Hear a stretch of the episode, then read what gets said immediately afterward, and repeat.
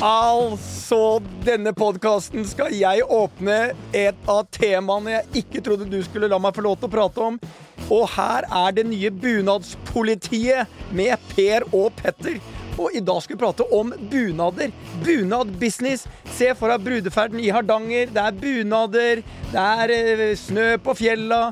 Blomstring ned ved vannet. Altså, dette er det norskeste av det norske. Og nå skal vi snakke om bunad. Her står en mann som har altså en fet Øst-Telemark-bunad som passer best når det er ti grader, vind, lett regn, fordi den er ø, i vadmel. Veldig gjev, men veldig varm. Hvilken bunad har du, Per? Nei, jeg har ikke bunad. Har du ikke bunad? Nei, jeg har aldri hatt bunad. Har- Jeg kommer aldri til å få bunad. Ja, hvorfor det? Nei, jeg har ikke lyst til å gå i bunad. Men tenk hvor Jeg syns kvinner, jeg synes kvinner er veldig flotte i bunad. Jeg syns ikke menn er uh... Og du har ikke sett min bunad, da. Nei, jeg har ikke sett, Nei. jeg har ikke sett din bunad. Øst-Telemark, gjeveste. Du, det er, eh, bunad er jo eh, virkelig en markør for mye. Eh, en sosialmarkør er det jo definitivt. Det er en eh, Ja, jeg vet ikke. Det er på mye. Du, vi har eh, to personer som kan, åpenbart kan go en god del mer om bunader enn meg i Ja. studio. Og det er vi eh, veldig glad for. Ellen Øverland, velkommen til deg. Du er produksjonsleder og kvalitetsansvarlig ved Heimen Husfliden i Oslo. Og utdanna skredder. Stemmer. Kan alt som er å kunne om bunad. Vel, det tror jeg ikke noen kan, men jeg kan en del i hvert fall. En som i hvert fall kan ganske mye om bunad, får vi håpe og tro, det er deg, Camilla Rossing. Du er leder i Norsk institutt for bunad og folkedrakt. Ja, det stemmer. Tenk at noe sånt finnes. Ja, jeg tror vi er, vi er vel det eneste landet i verden som har et sånt institutt, tror jeg. Men altså, bare sånn at vi må rydde opp her sånn. Hva er forskjellen på bunad og folkedrakt? Folkedrakt er, er de eldre, tradisjonelle draktskikkene som vi har hatt i visse områder her i landet. I visse bygdeområder. Hvor man har eh, gjennom århundrene fra mm, ja, 1500-1600-tallet bestemt seg for at her i bygda her kler vi oss litt annerledes enn i nabobygda og i byen. For at her i bygda har vi en egen identitet. Ja, Så det er folkedrakt. Ja, Så det er en tradisjonell måte å kle seg på, hvor, hvor endringene skjer sakte. du kan, Eh, jo- kan si det sånn at altså, jo høyere fjelltopper og dypere daler og trangere fjorder, jo bedre har de lokale draktskikkene blitt bevart, da. Desto det- mer innavl, jo finere bunader. ja, Ja. i grunnen. Det er, det er, ja. Men, ja, det er sånn. men, men vi, må- vi må først avklare én ting. Og da kan vi begynne med deg, Ellen. Hva er din favorittbunad? Og her må du være helt ærlig. Altså, Bunadspolitiet er veldig strenge. Du må si din favoritt. Det er veldig vanskelig, men jeg har jo beltestakk selv, da, så den er jo veldig fin. Beltestakken er min klare favoritt, men er det en bunad? Det er vel strengt tatt ikke en bunad? Å jo da, det er en bunad. Det er en veldig misforstått bunad. Um, Misforstått bunad? Ja, det er jeg har litt Er det fordi mitt, du kan gjøre eh, veldig mye med den sjæl? Men hjertet jeg blør for, på beltestaken. Eh, altså, mange bunader som har en, har, um, en solid rot i folkedraktstradisjonen, har et stort mangfold å bygge på. Fordi i eldre tid så var det jo noen ganske faste normer for hvordan eh, drakta i den bygda skulle være. Men så var det andre ting du, hvor du kunne leke litt mer. Ja, og med, med og- beltestakken kan du leke masse. Ja, Ja, men, den er men, ikke skal- den eneste som er sånn. Det er mange bunader som, som har det utgangspunktet. Det er Øvre Hallingdal, det er, eh, Sogn, du har Hardanger, hvor det egentlig fins et stort mangfold å ause av, og det har man vært flinke til i Telemark. Og det gjelder jo også andre bunader i Mye Telemark. de har vært flinke på i Telemark. Ja, Selvfølgelig, Men, men men- Camilla, hva er din favorittbunad? Jeg har jo også telemarksbunad, da. Um, Hvilken har du? slekt Øst-Telemark? Fra, jeg har beltestakken fra Du Øst-Telemark. Men, eh, men i min jobb vet du, så, så holder det ikke med en bunad. Så um, jeg har også en Vest-Agder-bunad. Um, Går du ofte med bunad? Ja, jeg går jo ofte med bunad i jobb, eh, og litt privat også. Så um, det blir ofte å pakke bunaden i kofferten. Det gjør det. Men du, hva, jeg blir nysgjerrig på Norsk institutt for bunad og folkedrakt. Eh, Hvem Er det en del av et universitet, eller er det, hva, hva er Norsk institutt for bunad og folkedrakt? Opprinnelig så ble vi oppretta som et råd, et faglig rådgivende organ under eh, Landbruksdepartementet i 1947. Oi. Og eh, så har det utviklet seg etter hvert til å bli et større sekretariat til dette rådet, og så har det blitt et institutt.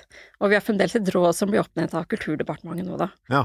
Så vi har, vi har vært statlige, nå er vi underlagt eh, Valdresmuseet, vi ligger på Valdres Folkemuseum på Ok. Fagernes, Og finansieres av dem? av? Kulturdepartementet. Så dere er en post i statsbudsjettet? Ja, under Valdresmuseet, ja. Mm. Mm. Men det er sånn, nå, dere som er eh, og bu- Bunadpolitiet må jo stille noen spørsmål sånn som Hva syns du om det der sånn, la oss kalle det fantasistakkene som kommer? Alle mulige varianter som eh, ikke er Hva, hva syns dere om den tradisjonen? Ja, jeg syns jo det Altså, så lenge man kaller det for en fantasistakk, så har jeg ikke noe problem med det. Jeg syns jo det disse Fabric-jentene med Jenny Skavlan i spissen gjør med å sy sin egen bunad av resirkulerte materialer, er jo kjempegøy. Men altså, det ikke Det er jo ikke en bunad, men det det altså, det er jo helt klart i tiden, og, og vi ser jo det på våre kjøp, de som, unge jenter som kjøper bunad i dag, de har ikke så lyst til å se helt like ut som bestemor og mamma.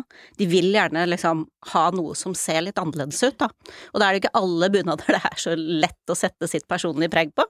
Og derfor er det mange som kanskje syns at det er en morsom løsning. Men må man, hvis du skal gå i en øh, Si en øh, bunad fra eh, Øst-Telemark. Mm. Må du være fra Telemark for å gå i en bunad fra Øst-Telemark? Som er kåret til Norges fineste bunad? Nei, jeg tror jo noen tror at vi på Heimen er veldig strenge på det, at du nesten må legge Ja. fram sånn slektstre for å få lov til å bestille bunad. Nei, nei, nei. Nei, nei, nei. nei. Ikke i det hele tatt. Hva hvis eh, datteren min skal ha en bunad? Hva, hva koster det å få en bunad på Husfliden? Det kommer helt an på hvilken bunad. Ja, men her, er bunad, her tar vi den gjeveste bunaden. Bare når du må svare det, så vet jeg at det er dyrt. Da Skal du- skal en superhjem med søljer og full kadok. Ja, hvis du Det skal holder ha seg La, la, okay, la oss starte på grunnmodellen, før vi begynner å oppgradere. Hva, hva koster ja, du, du kan kjøpe deg en rondastakk, for eksempel. Eh, Det er en av de få bunadene vi selger på størrelse. Og det er den alle kjenner som veldig mange unge jenter, altså barn, har.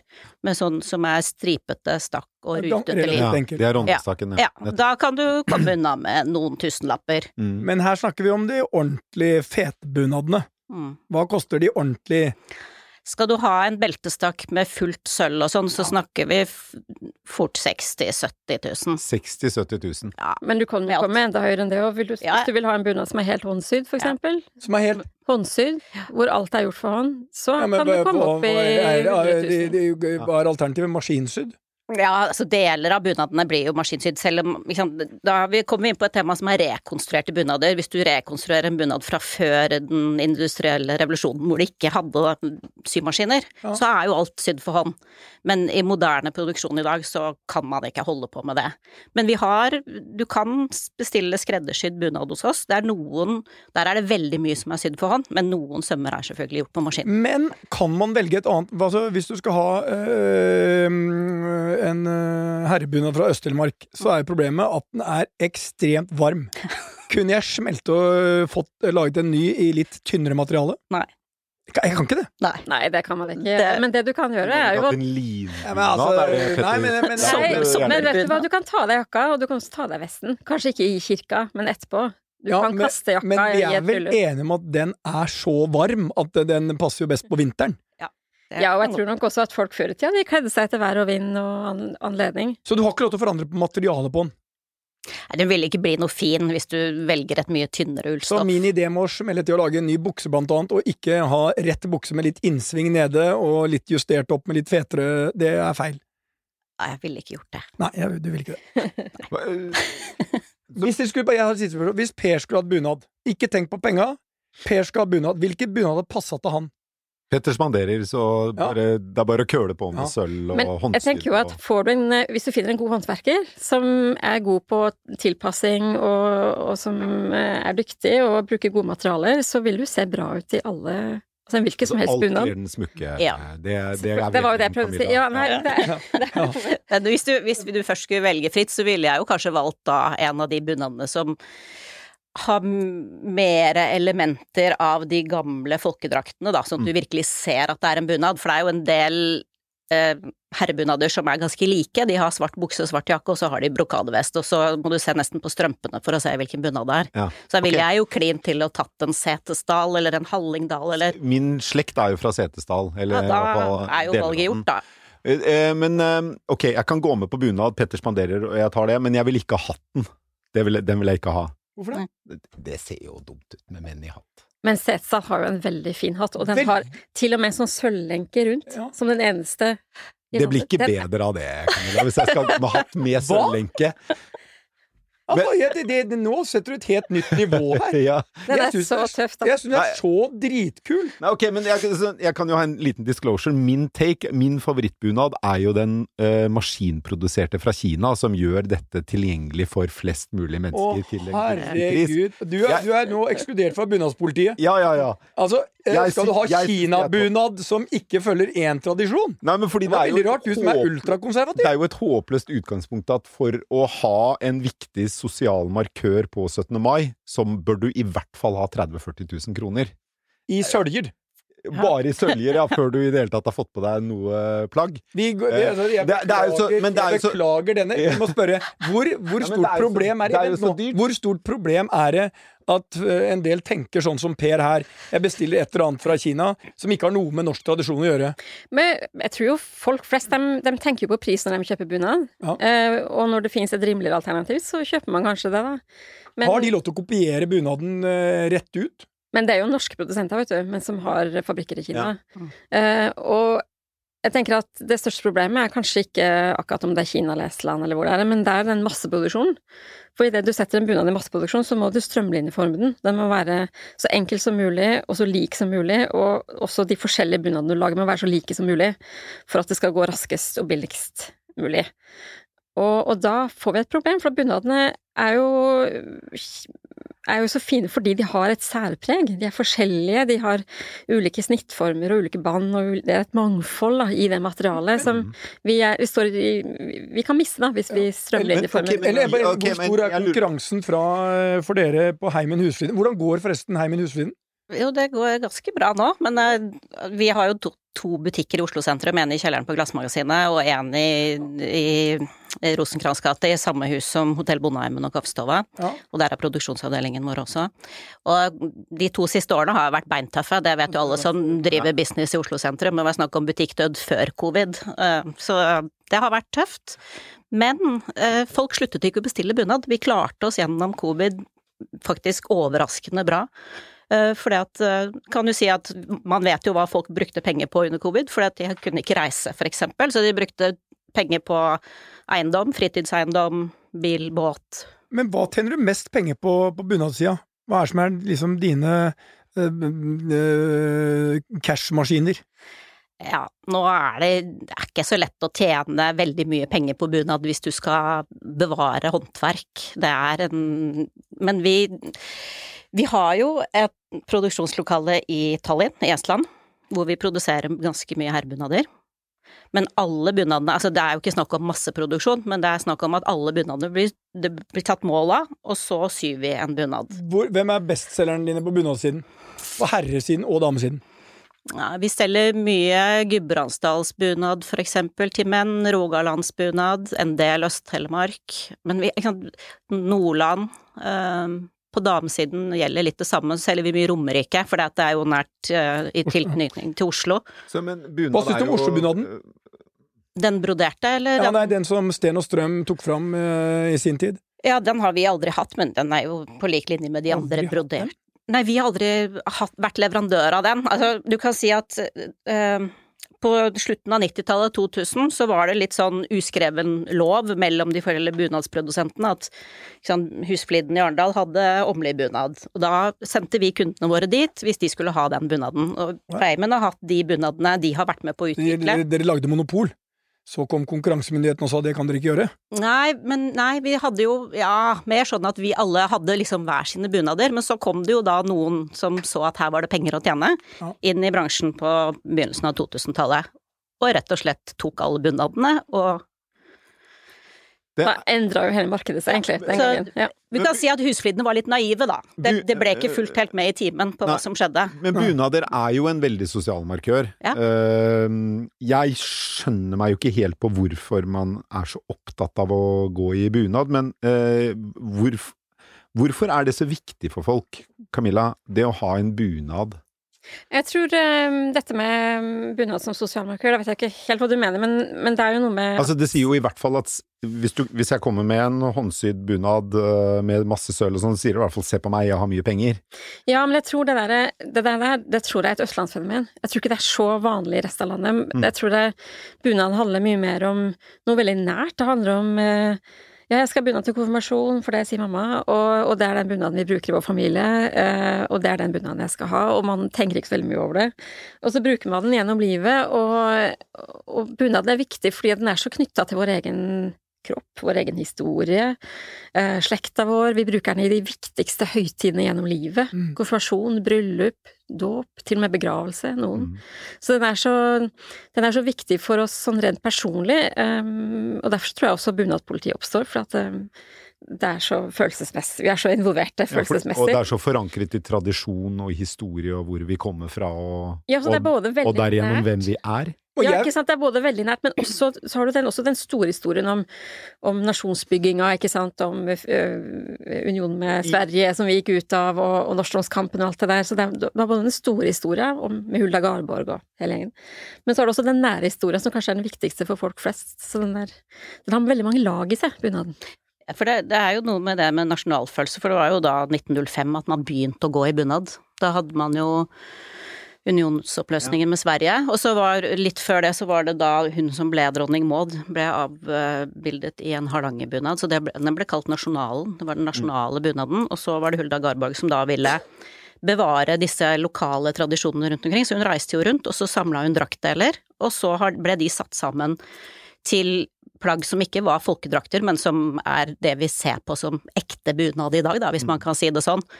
Eh, og så hadde bunadsbruken en stor oppsving rundt OL på Lillehammer, 94. Det var jo da bunadsbruken virkelig liksom gikk i Ja, for jeg er jo, ikke sant, jeg er født og oppvokst i Oslo. Jeg konfirmerte meg i Oslo rådhus i 1986. Ja. Én av ti jenter hadde bunad. Ja. Når barna mine nå har konfirmert seg de siste årene, så er det jo motsatt. Av jentene så er det ni av ti som har bunad, og kanskje et par gutter. Så, det, er- det har jeg- skjedd en eksplosjon Ja, i bunadsbruken i Så Oslo. for det, jeg- For, men jeg ser litt det samme, for jeg ser på venninnen til min eh, datter. Veldig mange av de uh, går i bunad på 17. mai. Mm. Eh, jeg kommer fra en bunadsfamilie i Porsgrunn. Der var det, helt, der var det ikke noen uh, Der gikk du i bunad uh, uansett, nærmest. Alle i min familie har bunad. Og det var det selvsagt. Du, der var en sosial markør å ikke gå i bunad på 17. mai. Mm. Ikke sånn. Um, og min opplevelse er at det har aldri vært mer populært med bunad enn akkurat nå. Nei. Jeg må innrømme at jeg bruker ikke bunad på 17. mai, for jeg syns den er for varm. Nei, men det, det er riktig, det. Altså, det var, hvis jeg kan si det sånn, da, på 80-tallet, midt på 80-tallet, så var det bare bønder i byen som hadde bunad. Det var ikke kult. Det Blant tenåringer i Oslo var det ikke kult med bunad. ja, sorry, men det, og det, men det, har jo snudd, det er snudd helt på hodet òg, så bunad er jo, altså, det er jo, handler jo om trend. Ja, og Også. På en måte så er det jo et, nærmest et paradoks at du i en, i en tid der Norge har blitt mye mer åpen mot verden, og en, hva er det, i Oslo er det vel over en femtedel av innbyggerne som ikke eh, har eh, etnisk eh, eller kulturell norsk bakgrunn som, som bor, og, i- samme periode har du da hatt en fremvekst av bunaden. Er bunaden en sånn siste krampetrekning av det tradisjonelt norske? Jeg tror ikke folk flest tenker sånn. Det er litt som vi snakka om i stad, at bunaden er, den er en markør for veldig mange forskjellige ting, og den, den er også en markør for det norske, men på en veldig lokal måte. Altså Det er litt sånn i Norge at man, man er norsk ved å komme fra et sted. Mm. Uh, og vi spør jo alle hvor er du fra, hvor er du fra, kjenner jeg noen der du er fra, har vi noen felles holdepunkter? Og vi er jo veldig sånn, vi tenker veldig lokalt, tror jeg, og, og bunaden er knytta sammen til vår egen historie og, og til det stedet hvor vi føler en tilknytning til. Um, og så er det den, det der med det nasjonale. Jeg tror nok at mange som kommer til Norge utenfra og får oppleve 17. mai, får sjokk. Fordi de ser disse flaggparadene, og de ser alle disse, disse litt rare bunadene, og tenker at hva i all verden er det som skjer? Og tenker at det kanskje er veldig nasjonalistisk, da. Men, men så er det noe med den historia som vi har her i Norge, hvor, hvor landet har på en måte kjempa seg ut av eh, både klørne til Danmark og unionen med Sverige, og har på en måte kjempet seg opp som en sånn slags underdog. Og derfor så er nasjonalismen i Norge veldig sånn folkelig. Det er liksom folket som reiser seg, og, og det ser vi også i den måten bunad blir brukt politisk på. At det er på en måte folk mot overmakta, når det gjelder gjelder hva syns dere om kjønnsnøytrale bunader? Finnes det? Det, altså, Det er jo en den- debatt som har kommet nå Ja. i år, og det er jo Vi syns jo det er litt spennende. eh, Og den, den bunner nok i Det er en utstilling som åpner i Stavanger i juni, tror jeg. Men allerede i februar så fikk jeg den første sinna-telefonen fra en dame som hadde hørt om denne utstillingen, og der skal de vise blant annet eh, kjønnsnøytrale bunader og, og det ut? bunader Hvordan er en kjønnsnøytral bunad? Nei, det er jo bare Det et, det, er, det som er laga nå, er vel bare et utkast. Eh, og den har en ikke jeg sett, idé. men jeg har sett den som eh, ble Det er en strikket vest og en bukse sydd i ulldamask og en jakke i kalamankstoff, tror jeg, Ja. som er sånn som Men den har veldig lite Det folk flest tenker på som en bunad, så er det ikke en bunad i den forstand folk flest tenker på bunad som, men, men jeg syns jo Altså, vår jobb på heimen er jo ikke å lage nye kjønnsnøytrale drakter, det får noen andre å ta seg av, men kan jo si det sånn at jeg sydde damebunad til en mann for 15 år siden allerede, så hvis noen kommer inn, og vi har sydd flere herrebunader til kvinner, så Altså, det har allerede skjedd. Det er veldig interessant. ja ja, det er det lenge er allerede siden. et fenomen. Ja ja, ja det, er- jeg må være i hvert Mm. fall 15 år siden jeg gjorde det. Ja, nei, vi tenker jo også at eh, det må være lov å, det må være lov å, um, å bruke bunaden sånn som man mener sjøl er, er riktig, da. Og er man en mann som føler at man heller vil gå i kvinnebunad, så gjør nå gjerne det. Mm. Og jeg tenker at det er så utrolig viktig at, eh, at bunaden at vi bruker bunaden på en positiv måte, da. At den heller blir eh, inkluderende enn ekskluderende. Det er jo litt trist hvis bunaden blir en sånn, et verktøy Det- for å Ja, jeg ekskludere tror, folk. jeg tror det er det, er Det er det som gjør at jeg stritter litt imot bunad, da. Det Ja. er vel nettopp det fordi jeg oppfatter det som et litt ekskluderende plagg. Altså ikke bare økonomisk, men også kulturelt og etnisk. Men Så Derfor vi opplever jeg det på som alle et innvandrere, alle som bruker bunad. Ja, Ja, vi, utrolig sy- vi syr jo stadig vekk, altså mer og mer bunad til folk med ikke-etnisk norsk bakgrunn. Ja. Helt klart. Ja, og jeg Og- jeg har snakket med folk som sier at det å, det å, å, å gå til anskaffelse av en bunad, det var på en måte siste steget i en integreringsprosess. En slags feiring av at nå er jeg norsk, nå er jeg på en måte en del av Men- men Norge. Hvis en bunad koster 50 000-60 000, fins det finansieringsløsninger på, hos deg og på heimen? Ja. Hvis jeg kommer der, jeg skal ha bunad, Ja. jeg har lyst til å ha det, jeg vet at det er et av de få plaggene du faktisk, når du er voksen og har fått den størrelsen du har, kan du bruke den hele livet. Ja. Så basically dyrt å kjøpe, men det kan dekke, liksom, som du sier, alt fra vugge til grav, er vel egentlig oppsummeringen som eh, Camilla hadde her. Ja. Det du kan selv ha den i en begravelse. Hvordan kan man Jeg skal ha en bunad. 60 000. Mm. Kan jeg få finansiert den hos deg, Ellen? Ja, du kan det. Hvordan ser det ut? Ja, det er en sånn type betalingsløsning, altså type, nå husker jeg ikke hva det Ja, men det, er- det er pant i bunaden. Ja, du, nei, du lager en sånn, altså sånn type Klarna, du lager en, Ja. En nedbetalingsplan. nedbetalingsplan. Eh, men det som jeg har litt lyst til å komme inn på da, er jo det at ja, bunad er dyrt, men hva om bunad er litt løsningen på overforbruket vi har, da? At uh, istedenfor å kjøpe masse fine klær til barna dine når de er små, tenk om du kan liksom istedenfor å bruke de pengene på alle de klærne ikke, de ikke trenger, kan du putte de pengene inn på en konto, en bunadskonto, og så har du faktisk ganske mange tusen på den kontoen Så den går du dagen. nakne frem til de har bunad, Ja. da. Nei, men du, alle vet jo at nordmenn har altfor mye klær i skapet, Ja. og vi må gjøre noe med det forbruket vi har i dag. Jeg og da mener jeg har også en bunad i skapet. Ja. Problemet er bare at jeg skulle brukt den mye mer. ja, Hvor stort er markedet for bunader i Norge? Hva skal jeg si, dette kan du mer enn meg, Ellen, men det er jo noe med at uh, veldig mange kvinner har jo bunad nå. Ja. Uh, og uh, det er vel flest konfirmanter som får bunad i dag. Og så er det jo er det jo disse mannfolka da, som vi må få tak i. Ja, men sant, det er jo en stor forskjell der, da, for at mange, veldig mange jenter får bunad til informasjon. Det er jo nesten litt sånn det skal man ha, Mm. på en måte. Eh, I hvert fall i mange miljøer. Mens menn bør jo vente litt lenger eh, med å skaffe seg bunad. Fordi fordi de må de vokse ut og bli Ja. breiere over skuldrene. Så vi har jo bunadskundene våre på, på, på damesiden er jo snittalderen mye lavere, og da er det kanskje litt mer mamma og bestemor som er med og bestemmer, mens menn som er nærmere 30 har jo mer egne meninger og er ikke så Men avhengig hvor stort er markedet? Her, Hvordan skal jeg Altså, det er flere og flere menn som vil ha bunad. Det er det jo. Men hva, hva omsetter Husfliden for i året? Eh, totalt eh, Altså, vi, det er jo skilt i flere deler. Men vi, kan, alt. ja, men vi kan si at vi produserer drøyt 1500 bunader i året, da. Oi! Cirka. 1500 bunader. Ja, og hvis, og vi er- 60-70 millioner i bunader. Ja, det er, noe er jo deler og biter, Ja, men det er ikke alle, 50. alle bunadene er ikke så dyre. Men du, jeg har et spørsmål. Det fins jo ikke noe herrebunad i Oslo. Det fins jubileumsdrakt. Ja, men ikke med sånn. Men hvis jeg for eksempel hadde eh, dratt sammen de feteste, flinkeste designerne eh, og lagd en, eh, en ny bunad, eh, ringt eh, Camilla og spurt Camilla, nå lager jeg en bunad som blir den nye Oslo-bunaden. Litt fetere, kan du si. Mer tilpasset eh, 2022. Mm. Er det mulig å få til en ny bunad som blir eh, akseptert som herrebunad i Oslo? Nå, det, det, det, er et åpent, eh, det er et åpent marked, det er ingen herrebunader, og vi lager den nå.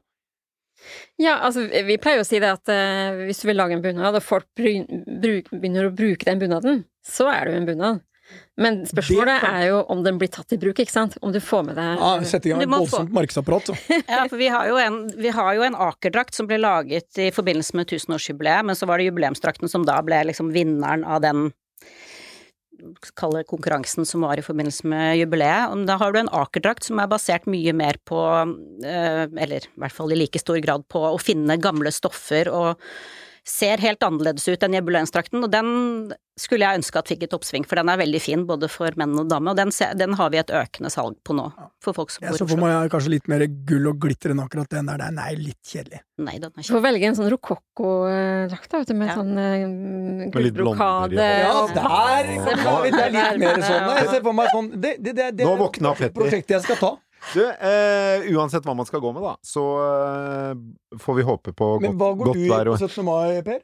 Nei, jeg går jo i en blå dress og hvit skjorte. Veldig kjedelig på 17. mai. Og så har du sånn derre eh, sløyfe. 17. mai-sløyfe. Hvis kjæresten min eh, kjøper det til meg, så tar jeg den på. Hvis ikke, så dropper jeg det. Du tuller? Nei, jeg gjør ikke det. Jeg, jeg Er det, det er det hele stasen din på 17. mai? Ja, ja. Hva går kidsa? Ja?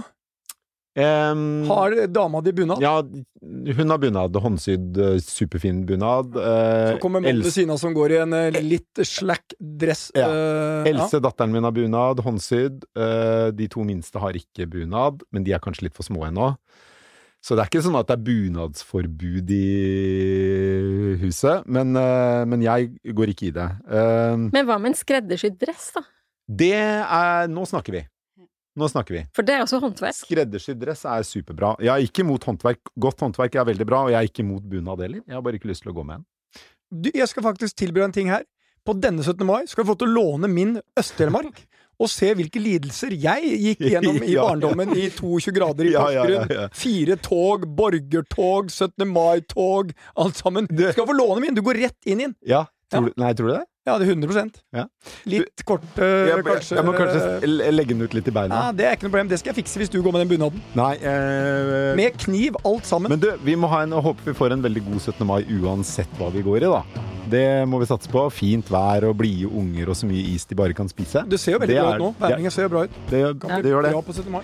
Tusen takk skal, skal dere ha for at dere kom, Ellen Øverland i Heimen og Camilla Rossing i Norsk institutt for bunad og folkedrakt.